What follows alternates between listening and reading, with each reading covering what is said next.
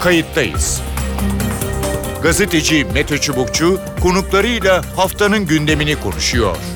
Tarihi yaşarken olaylara kayıtsız kalmayın.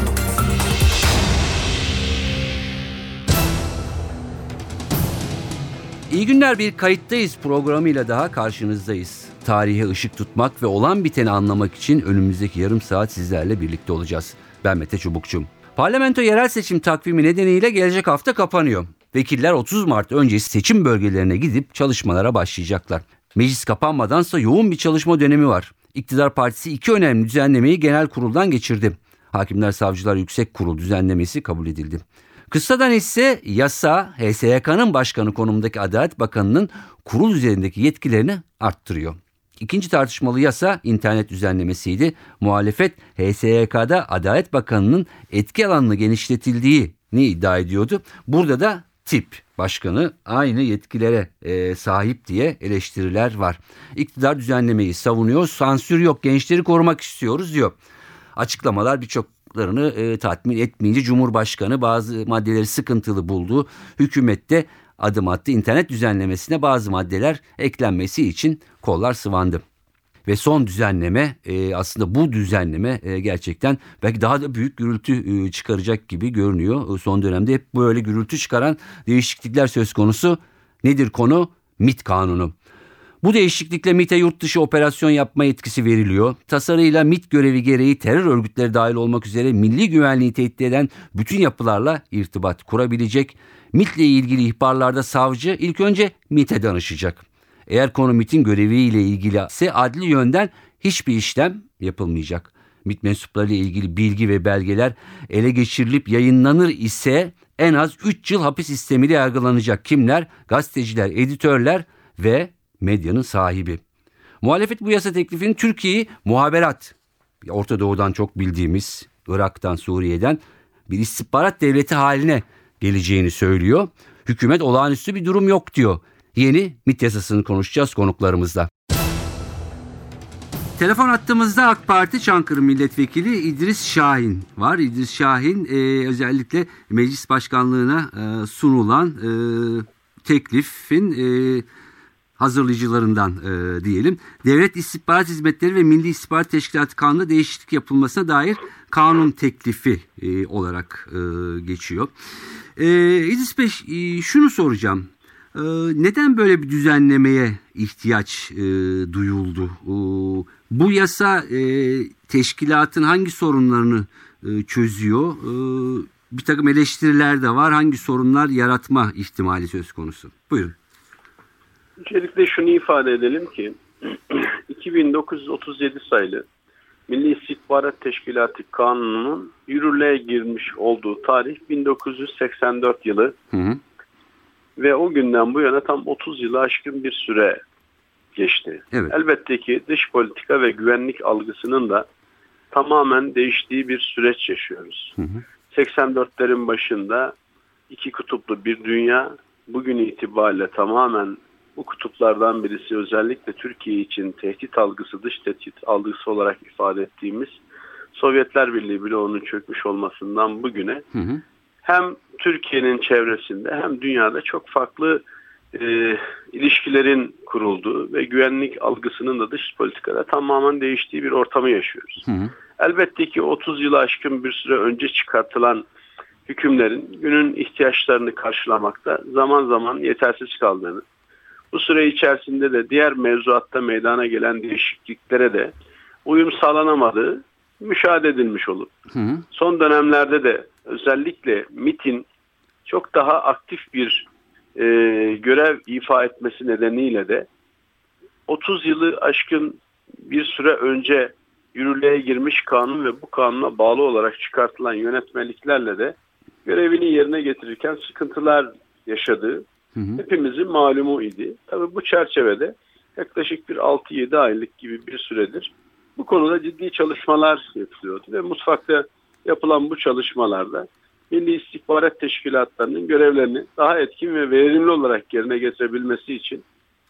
devlet kurumları ile koordinasyonun sağlanması, hı hı. kişi, kurum ve kuruluş ve yapılarla ilişki kurabilmesi, bilgi ve belgelere ve özellikle bunun altını kalın çizgilerle çizmemiz gerekiyor. Çünkü 30 yıl gibi bir süre içerisinde iletişim sektörü çok ciddi Evet. merhaleler kat etti. İletişim altyapılarına erişim sağlanabilmesi ve bunlardan istifade edebilmesi ve yine gizlilik prensiplerine göre çalışabilmesi min mensuplarının haksız ve hukuksuz iddia ve isnatlarla Hı hı. görevinin açığa çıkmasına ve engellenmesine karşı gereken tedbirlerin alınabilmesi için böyle bir hazırlık içerisine girdik. Hı hı. Bu hazırlık içerisinde kanun teklifini düzenleyenlerden birisi de yine geçmiş tarihlerde Güvenlik İşleri Genel Müdürlüğü'nü yapmış olan Türkiye'de e, bir milletvekilimiz, Niğde milletvekilimiz Alparslan Kabaklıoğlu Bey. Hı hı. O da konusunda son derece uzman bir arkadaşımız. Onunla birlikte hem Milli Güvenlik Kurulu'nun yapısı ve kararlarının niteliğini göz önünde bulundurduğumuzda dış güvenlik, Evet. terörle mücadele ve milli güvenliğe ilişkin konularda da bakanlar kurulunca MİT'e özellikle dış görevlerde operasyonel görev verilebilmesine yönelik de bir düzenleme yapılması ihtiyacı hasıl oldu. İşin özü itibariyle hem bu ihtiyaçları gidermek hem de Milli İstihbarat Teşkilatı'nı çağın gereklerine uygun hale getirebilmek ve diğer yani özellikle diğer derken bunu da Evet. çok netliğiyle ifade edeyim. Dış istihbarat teşkilatlarının imkan ve kabiliyetlerine kavuşturulabilmesi için gerekli düzenlemeler yapılması icap ettiğinden Hı hı. bu yönde bir teklif hazırladık ve bunu da parlamentoya sunduk. Peki. Umuyoruz ki hem komisyonda yarın komisyon görüşmeleri esnasında hem genel kurulda Hı hı. bizlerin bir eksikliği varsa bu eksikliği de iktidar partilerimizin bir şekliyle e, ifade etmek suretiyle olgunlaştıracak Türk Milli İstihbarat Teşkilatı'nın ihtiyaçlarını karşılayabilecek mahiyette Hı güzel bir yasayı inşallah çıkartmış olacağız. Peki. Ee, şimdi tabii doğal olarak eleştiriler de var. Bu tabii ki teklif. Muhtemelen tartışılacak. Belki bir takım düzenlemelere de e, gidilecek.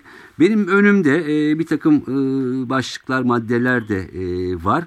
E, şimdi dış istihbarat, milli savunma, terörle mücadele, e, uluslararası suçlar e, derken buradaki maddelere e, baktığımızda e, sanki içeriye yönelik tedbirlerin daha e, yoğun olduğu gibi görülüyor. Yani işte kamu kurumlarıyla, bankalarla istediği her türlü belgeyi, bilgiyi alabilmesi, e, bunun işte hakikaten özel hayata ve özel bilgilere e, işte yargı şeyi olmadan e, ulaşma imkanı getirdiği e, söyleniyor. E, yargıdan muaf olduğu iddiaları var bu maddelere e, göre. Yani hani eğer bir suç işlerse mahkeme değil önce hani e, MIT'in e, buna bir şekilde e, karar ya da izin vermesi e, gerekiyor. Şimdi tabii ki bu sizin söylediğiniz hadiselerin tamamı Hı hı. iki günün aşkın süredir teklif ortaya çıktıktan sonra Evet. muhalefet partilerinin e, gündeme getirdiği ve basının bir şekliyle bizim teklifimizden cımbızla alarak yani, e, gündeme taşıdığı bir kısım konular bunlar. Evet. Oysa bunlar bu şekilde değil. Bakın şunu şöyle çok net olarak ifade edeyim. Buyurun.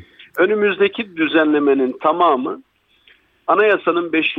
maddesine ve 6. maddesinde özellikle 5. maddesinde Milli İstihbarat Teşkilatı'nın ne şekilde hareket edeceği ve 6. maddesinde de kanunla bir kısım düzenlemeler yapılabileceğini ihtiva ediyor. Hı hı. Ve 2937 sayılı Devlet İstihbarat Hizmetleri ve Milli İstihbarat Teşkilatı kanununda Hı hı. Dördüncü maddede bir kısım düzenlemeler yapmak suretiyle buraya ilaveten yani bu maddelerin hiçbirine dokunmadan dış güvenlik, terörle mücadele ve milli güvenliğe ilişkin konularda Evet. bakanlar kurulunca verilen her türlü görevi yerine getirmek diye bir ibare kuruyor- koyuyoruz. Evet. Yani sonuç itibariyle Milli İstihbarat Teşkilatı zaten Sayın Başbakan'a bağlı bir kurum. Evet. Buradaki algı şu. Şimdiye kadar maalesef olağan demokrasilerde olması gerekenin tersine Hı hı. bu ülkedeki seçilmiş iktidarları hep Milli Güvenlik Kurulu kararlarıyla veyahut da Milli İstihbarat Teşkilatı'nın vermiş olduğu e, yörünge doğrultusunda yürüyen bir iktidarlarla karşılaşmış. Hı hı. Şimdi aslında milletin tuhafına giden siyasal iktidarın her konuda olduğu gibi burada da bir kısım sorumlulukları ele alması Hı hı. ve buna dair bir kısım düzenlemeler yapmış olmasını maalesef seçimle iş başına gelmiş olan muhalefet partilerinin algılayamamasından kaynaklanan bir sorun var. Bakınız ikinci maddesinde de aynı maddeye ilave ettiğimiz hususlardan birisi de şu. Dış istihbarat, Evet. milli savunma, Hı hı. terörle mücadele ve uluslararası suçlar ile siber güvenlik konularında her türlü teknik istihbarat Evet. ve insan istihbaratı usul, araç ve sistemlerini kullanmak suretiyle Hı hı. bilgi, belge, haber ve veri toplamak, kaydetmek ve analiz etmek. Şimdi söyleyebilir misiniz bunun hangisi iç güvenliği ilgilendiren bir konu? Hı hı. Bu siber güvenlik diye bir hadise 30 yıl önce bu kanun yürürlüğe girdiği tarihte ortada olan bir durum değildik.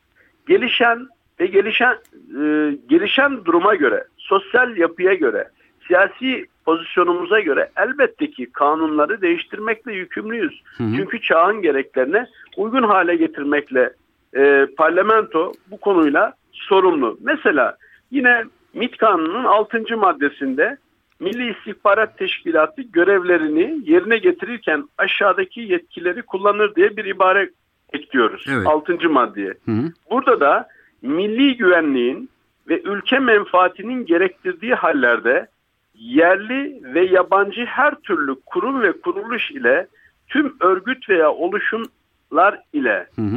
doğrudan ilişki kurabilir, uygun koordinasyon yöntemleri uygulayabilir. Evet. Bunlar zaten mevcut kanununda var. Bu kanunda bu tür yetkileri kullanmak adına Milli Güvenlik Kurulu'nun talimatları veyahut da Milli İstihbarat Koordinasyon Kurulu'nun içerisinde görev yapan bir kısım unsurların talimatları gerekiyordu. Biz şimdi bunu dedik ki direktmen yasadan bu yetkisini alabilsin. Hı hı. Yine bakanlıklar ve diğer kamu kurum ve kuruluşları ile kamu hizmeti veren kuruluşlara ait arşivlerden, Evet. elektronik bilgi işlem merkezlerinden ve iletişim altyapısından kendi görev alanına giren konularda bakınız Hı hı. bu çok önemli. Kendi görev alanına giren konularda Evet. yararlanabilir diyoruz. Hı hı. Bunlarla irtibat kurabilir, bilgi ve belge alabilir.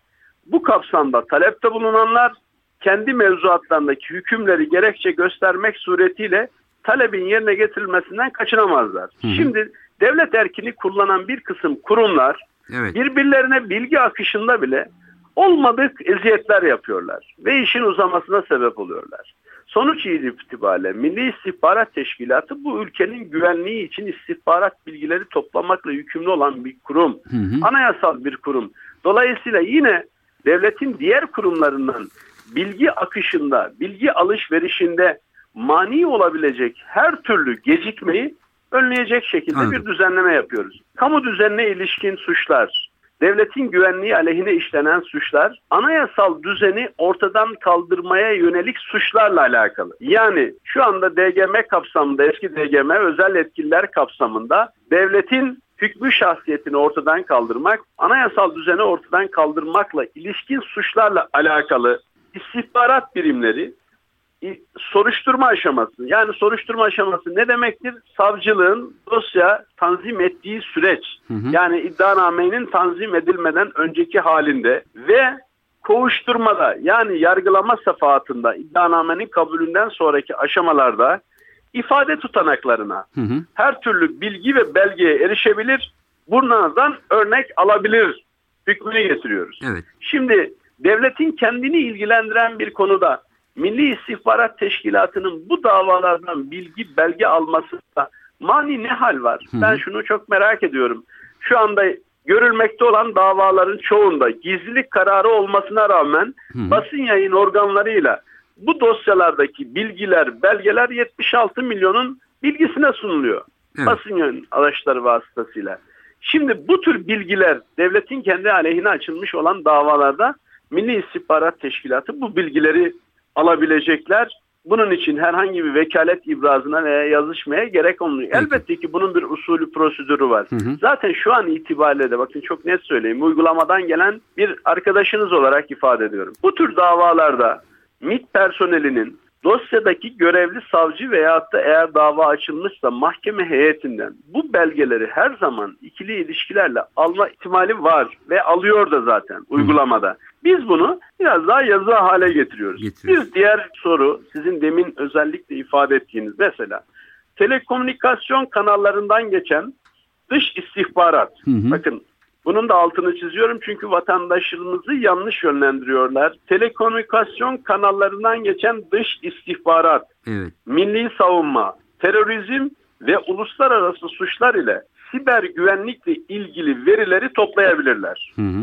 Eğer sizin istihbarat teşkilatınız kendi telekomünikasyon kanallarınızdan yabancı dış istihbarat birimlerinin iletişimlerini tespit edemiyorsa, milli savunmanızla, terörizmle ve uluslararası suçlar ve siber suçlarla alakalı bir kısım önlemleri, istihbari önlemleri alamıyorsa Evet. bu teşkilatın ne anlamı var o zaman? Yani buradaki gaye vatandaşın iletişim kanallarını tespit etmek değil bakın. Bunun altını çizelim tekrar Hı hı. dış istihbarat, milli savunma, terörizm ve uluslararası suçlarla alakalı. Evet. Ve yine bir devamı diğer maddede, yeni getirdiğimiz maddede yabancı unsurların ülkenin ve vatandaşların iletişim güvenliğini tehdit eden faaliyetlerinin engellenmesine yönelik çalışmalar yapabilir. İlgili kurum ve kuruluşlardan talepte bulunabilir. Bulunabilir. Evet. İnternet üzerinden yabancı ülkenin vatandaşları maalesef hacklemek suretiyle, iletişim kanallarına girmek suretiyle bunlara ülkemizin iletişimini engelleyecek bir kısım davranışlar içerisine giriyor. Bunların istihbarat ön çalışmasını kim yapacak? Elbette ki Milli İstihbarat Peki. Teşkilatımız yapacak. Son sorum şu olacak. Bu tabii ki e, bizi de yani medya çalışanlarını da e, ilgilendiriyor. MIT belgesi yayınlandığında sadece gazeteci ve editör değil medya patronu da en az 3 yıl hapiste yargılanacak. Bir örnekten de gitmek istiyorum. Bu en son e, malum e, bu Paris cinayetleriyle ilgili bir takım tartışmalar, belgeler doğru ya da yanlış bilmiyoruz. E, çeşitli organlarda dolaştı. Bu e, sizce çok ağır ya da yani gerçekten basın özgürlüğünü bir şekilde engelleyen e, bir durum e, değil mi? Ve hani eskiden gazeteciler, editörler e, yargılanırdı. Şimdi medya patronları da e, katılmış bunun içine. Yani bu şu mu demek? Yani hiçbir MIT belgesi bir şekilde e, şeyde medyada yer almayacak artık. Şimdi asla böyle değil. Yani şimdi özellikle bu konu Evet. tamamen bizim e, ilgi alanımıza giren bir konu ve Milli İstihbarat Teşkilatı'nın görev ve faaliyetlerine taalluk eden evrak ve malumatı istihsal eden kişi fiil daha ağır bir cezayı gerektirmiyorsa 2 seneden 8 seneye kadar ağır hapis cezası ile cezalandırılır diye Hı hı. MİT kanununda Evet. biliyorsunuz 27. maddede bir cezai müeyyide öngörülmüş idi. hı. Yani 1984'te yürürlüğe giren kanunda bu vardı. Evet. Bunu biraz daha farklılaştırıyoruz ve diyoruz ki Milli İstihbarat Teşkilatı'nın görev ve faaliyetlerine ilişkin bilgi, belgeleri yetkisiz olarak alan, temin eden, çalan, sahte olarak üreten, bunlar üzerinde sahtecilik yapan, bunları yok eden, tahrip eden veya geçici de olsa tahsis olundukları yerden başka yerde bulunan kişilere devredenlere 4 yıldan 10 yıla kadar hapis cezası verilir diye bir hüküm konuluyor. Evet. Buradaki asıl amaç şu. Bu belgelerin zaten gizlilik esasına göre hareket edilen belgeler. Bunların tamamı istihbari bilgiler içeren hadiseler. Bugün Türk Ceza Kanunu'nda normal bir resmi belgede sahtecilikle Hı hı. Sair normal bir belgede yapmış olduğunuz sahtecilik, özel belgede sahtecilikle resmi belgede sahtecilik arasında bile Evet. en az iki katı oranında bir cezada farklılık var. Peki belge Şimdi gerçekse, burada- belge gerçekse Bel- ne olacak? Belge, belge gerçekse bakınız burada diyor ki yetkisiz olarak görev ve faaliyetine ilişkin bilgileri alan, temin eden, çalan, sahte olarak üreten, bunlar üzerinde sahtecilik yapan, bunları yok eden, tahrip eden kimse. hı. Eğer yetkisiz bir kişi bunu alıp da yayınlıyor ise Hı hı. bu da elbette ki suçtur. Yani bunlar istihbarat bilgilerini içeren belgelerdir. hı. Vatandaşın elinde dolaşabilecek belgeler değildir. Bu belgelerin e, bir resmi kurumdan kuruma nakli bile normal usullere tabi değildir. Elbette ki var olan bir düzenlemede bu da caydırıcılık neden getiriliyor? Onu da özellikle ifade edeyim ki vatandaşımızın kafasında kalıcı az. Geçmiş dönemde 2 seneden 8 seneye alt sınır 2 sene idi ama hükmün açıklanmasının geri bırakılması gibi, denetimli serbestlik gibi hususlar biliyorsunuz Türk Ceza Kanunu'nda veya Ceza İnfaz Kanunu'nda söz konusu değildi. Evet. Son demokratikleşme paketleriyle gerek denetimli serbestlik gerekse cezaların infazına ilişkin hususlarda bir kısım düzenlemeler yapılması nedeniyle Hı hı. şimdi verilecek cezaların tamamı ertelemeyi gerektiren suçlar veyahut da denetimli serbestlik kapsamında kalan suçlar olması sebebiyle hiçbir caydırıcılığı kalmıyor. Bu caydırıcılık kalmayınca da ister istemez bu belgelerin dolaşımı daha da rahatlaşıyor ve milli istihbaratımızı zor duruma bırakacak bu tür kaynakların vatandaşla paylaşılması, basın yayın yoluyla paylaşılması daha da kolay bir hale geliyor. İşte bu maksatla bu düzenleme yapılıyor. Peki. Çok teşekkür ediyorum e, Ben verdiğiniz teşekkür ederim. bilgiler için. AK Parti Çankırı Milletvekili İdris Şahin e, konuğumuzdu. Sorularımızı yanıtladı. Telefon attığımızda CHP Genel Başkan Yardımcılarından Sezgin Tanrıkulu var. Sezgin Tanrıkulu hoş geldiniz programımıza. Teşekkür ediyorum. Çok sağ olun. Konumuz Türkiye'de son günlerde e, ki bir sürü düzenleme ya da düzenleme e, girişimleri içinde e, en sonuncusu belki de e, tartışmaları belki baştan yeni başlanan ama çok daha tartışılacak bir e, konu yani MIT düzenlemesi. Ee, önümde maddeler e, var yani yeni düzenleme ile e, ilgili. Ee, ilk başta şunu sormak istiyorum. Ee, evet MIT'in bir düzenlemeye ihtiyacı olduğu ortada. Ee, baktığınızda bu maddelere bu yasa hangi sorunlarını çözüyor ee, Milli İstihbarat Teşkilatı'nın ya da hangi sorunları e, yaratmaya gebe? Şimdi yani bu yasa ya e, yani ihtiyaç duymuş olabilir. Devletin güvenlik teşkilatları sürekli olarak kendi yetkilerinin e, uzamasını ister, genişlemesini ister. Hı hı, Emniyet de böyledir, yargı da böyledir. İşte istihbarat teşkilatı bakımından da böyledir. hı hı, Yani bir e, yurt dışında operasyonel yetkinin e, daha açık bir şekilde tanımlanmasını isteyebilirler. hı hı. Böyle, böyle bir yetki isteyebilirler ama bu yetkiyi isterken aynı zamanda e, yani bütün vatandaşların özel yaşamlarına e, şey yapabilecek, müdahale edebilecek bir düzenleme istememeleri lazım. Veya kendilerine güvence getirebilecek düzenlemeleri istememeleri lazım ama bu yasa MİT'in ihtiyaçlarından daha ziyade Evet. doğrudan doğruya e, bir özgürlük alanına müdahaleyi içeriyor ve MİT'i e, ve MİT mensuplarını e, çok önemli e, güvencelere kavuşturuyor. Zırh bakımından güvencelere kavuşturuyor ve e, MİT mensuplarının başta müsteşar olmak üzere e, yargılanmalarının herhangi bir nedenle yargılanmalarının yargı öne çıkmalarının önü kesilmiş oluyor. Ha onu soracaktım. Yani bir zırh e, altına alıyor e, diyorsunuz. E, bunun sakıncası ne? Şimdi şöyle bir şey yani MİT mensupları suç işlemez ve yaptıkları iyi suç olmaz diye bir kural yok. Her devlet memuru, her görevli, her yurttaş suç işleyebilir. Evet. Şimdi e, herhangi bir biçimde e, yaptıkları işte işte işlerin MIT e, çerçevesinde, MIT yasası çerçevesinde işlendiği konusunda bir belge alındığı zaman artık e, savcılığın bunu takdir etme şansı olanağı kalmayacak. Yargıya kapalı Ve bu yani. Evet bu evet bu de, e, denetlenemez hale gelecek. E, ikinci olarak e, yani izin e, MİT müsteşarına bağlı memurların. Hı hı. Üçüncü olarak da müsteşar bakımından da başbakana bağlı. Müsteşara daha büyük bir yargı e, güvencesi getirildi. Aynen yüksek yargıçlar gibi doğrudan doğruya Yargıtay'da yargılanacak. Ve bence e, Evet. çok yanlış olan bir düzenleme de MİT'e özgü Ankara'da bir mahkeme kurulacak. Ne demek? Yani- ne demek o? Bir MİT mensubu diyelim ki Artvin'de bir suç işledi. Evet. Veya Hatay'da bir suç işledi veya İzmir'de bir suç işledi. Bir MİT mensubu Hı doğal yargıç gereği e, suçun işlendiği yerde yargılanmayacak. Ankara'da önceden görevlendirilmiş olan Ağır Ceza Mahkemesi'ne yargılanacak. E şimdi ben hukuks olarak düşünürüm, şöyle düşünürüm. E demek ki MİT mensuplarını bir vesileyle bu kadar zırhtan sonra, bu kadar korumadan sonra bile yargı önüne e, çıkart, e, çıktıktan bile başka bir güvenceye kavuşturuyorlar. Yani e, özel bir mahkeme Ankara'da görevlendirilecek. Hı hı. Artvin Ağır Ceza Mahkemesi yargılamayacak. Hatay Ağır Ceza Mahkemesi çünkü oradaki yargı değil. Hı hı. Eskaza yanlış bir karar verebilirler MİT mensubu aleyhine. Böyle bir güvence de getiriyor ki bunun hiçbir örneği yok bugüne kadar. Anladım. E, yani hiçbir örneği yok. Bu, burada e, bir hani bir hesap verme vermeme ya da yargı e, karşısında e, ne derler e, zırhla korunma belki e, anlamına yani- gelebilecek bir takım değişiklikler. Peki şunu e, sormak istiyorum.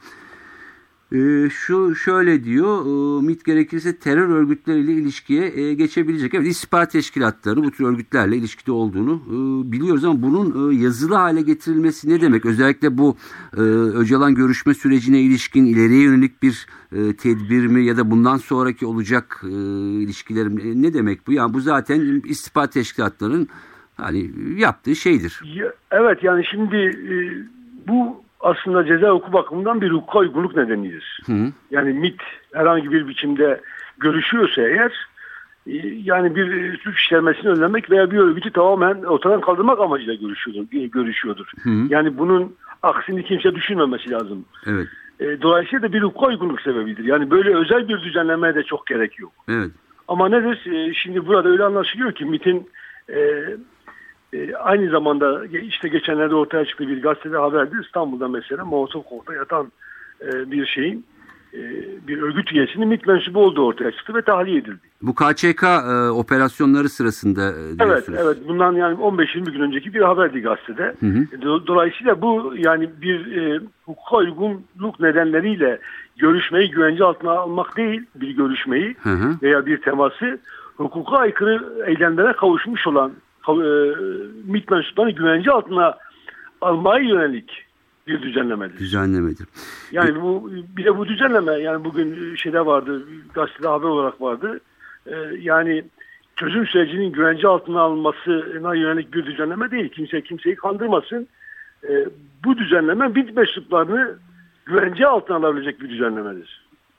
Yani şunu mu diyorsunuz? Yani onların muhtemel yapacağı hani tırnak içinde e, kural dışı ya da yasa dışı şeylerden korumak anlamında mı? Evet, evet. Yoksa yani MİT mensuplarının işte şeyle e, İmralı ile görüşme yapmasına yani ne bir soruşturma var ne, de başka bir şey var ama onun dışında e, bir MİT mensubu e, ajan provokaktörlük yapmışsa bu yasayla korunur hale gelecek. Anladım. Ee, Sezgin Bey siz e, Diyarbakır'dan e, geliyorsunuz. Uzun yıllar baro başkanlığı e, yaptınız. 90'lı yılları e, da iyi bilen e, isimlerden, avukatlardan e, birisiniz. O yılları e, düşünerek bu yeni yasayla hani e, ne tür e, komplikasyonlar ya da e, problemli durumlar e, çıkabilir? E, biraz da o günleri de e, hatırlayın. Aynı günler değil ama yani o boşluk hep o, o zamanlar vardı bir boşluk ve bugün onlar hep ortaya çıkıyor. Faili meçhuller şunu, bunu yapacak anlamda söylemiyorum ama hani bir e, yasanın e, kenarına çıkıldığı zaman e, Güneydoğu'da neler olduğunu biliyoruz.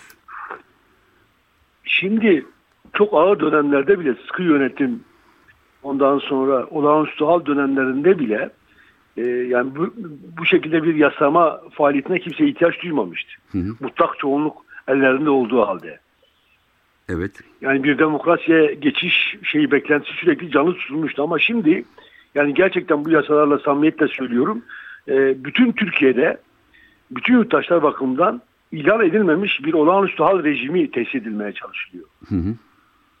Özgürlükleri tamamen askıya alan, özgürlükleri yürütmenin e, takdir alanı içerisinde bırakan bir e, yasama faaliyeti içerisine girmiş hükümet. Hı hı. İşte son HSYK yasası, internete ilişkin yasa, şimdi MIT yasası, e, işte şeyi e, dün akşam yasalaşan özel yetkili mahkemenin kaldırılması ilişkin yasadaki bazı düzenlemeler.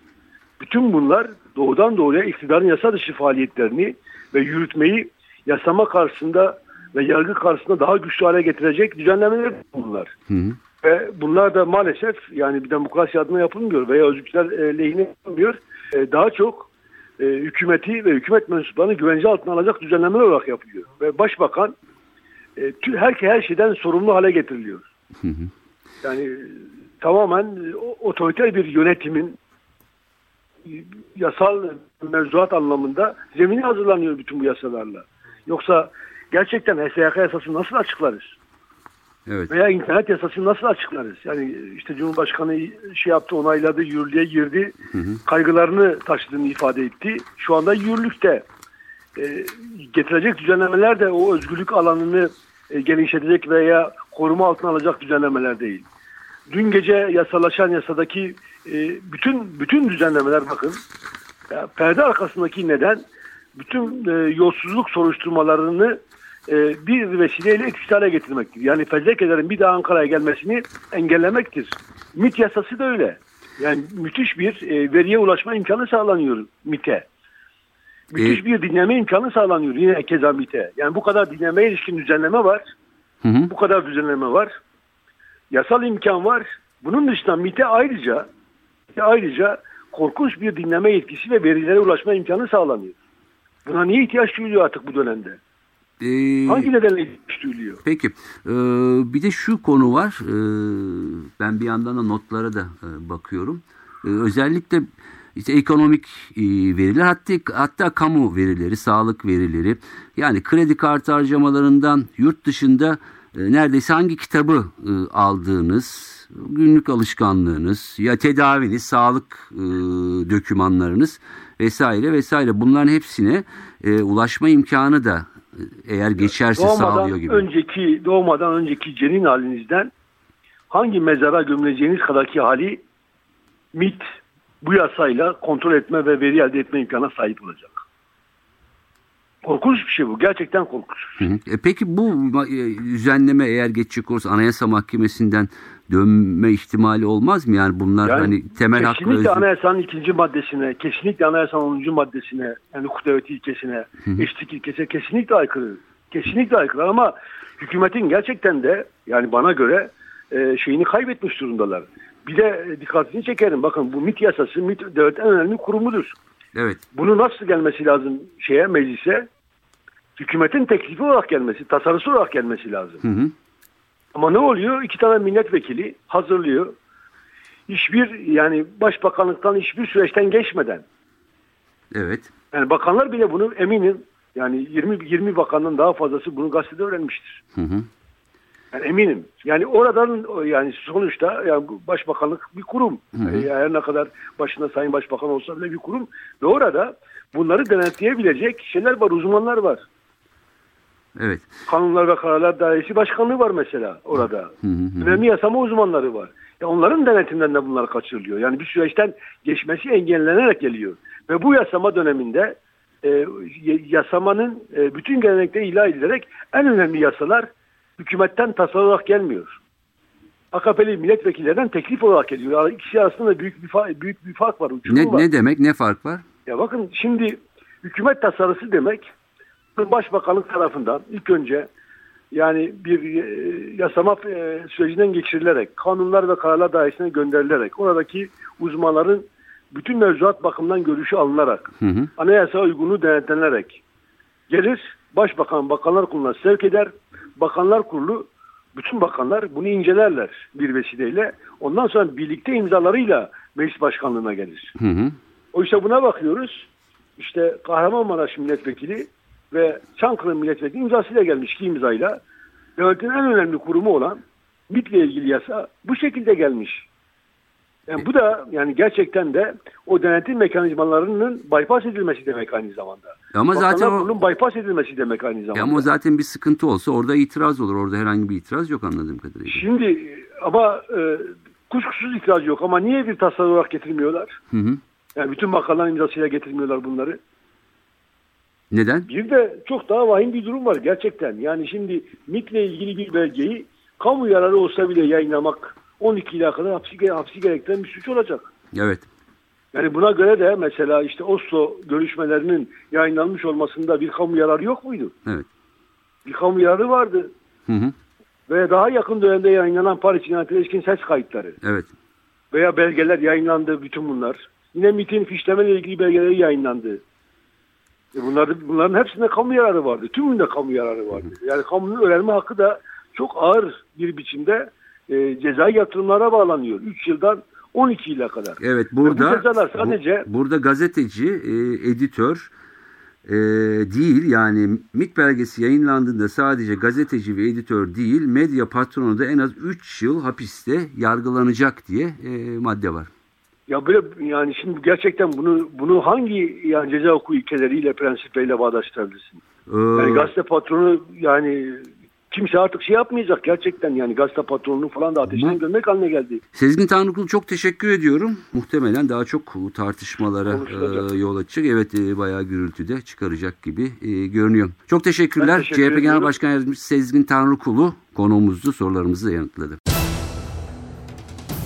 Evet, günümüz dünyasında istihbarat ve istihbarat toplama ya da istihbarata karşı koyma çok önemli. Herkes, her ülke kendi kurumunu gözden geçiriyor, yeni yöntemler uyguluyor, eksiklerini tamamlıyor, teknolojik destek sağlıyor. Ama tabii ki istihbaratın bir zihniyet, bir mantık olarak tüm ülkenin bir sistemi ve düşünce mantığı haline gelmemesi gerekiyor. Yasa geçerse ki çoğu geçiyor çok ciddi tartışmalı bir döneme gireceğiz gibi görünüyor. Bu yasada öncesiyle sonrasıyla çok konuşulacak ya da bu tasarı çok konuşulacak. Önemli olan tabii ki vatandaşların güvenliğini sağlamak ama aynı zamanda haklarını korumak, hakların kısıtlanmasını önlemek ve bu tür kurumların da hesap verebilir olmasını ortaya koymak, şeffaf olmasını sağlamak. İyi haftalar dileğiyle haftaya kayıttayızdan yeniden buluşmak üzere. Ben Mete Çubukçu, editörümüz Sevan Kazancı. Haftaya görüşmek üzere. Kayıttayız. Gazeteci Mete Çubukçu konuklarıyla haftanın gündemini konuşuyor. Tarihi yaşarken olaylara kayıtsız kalmayın.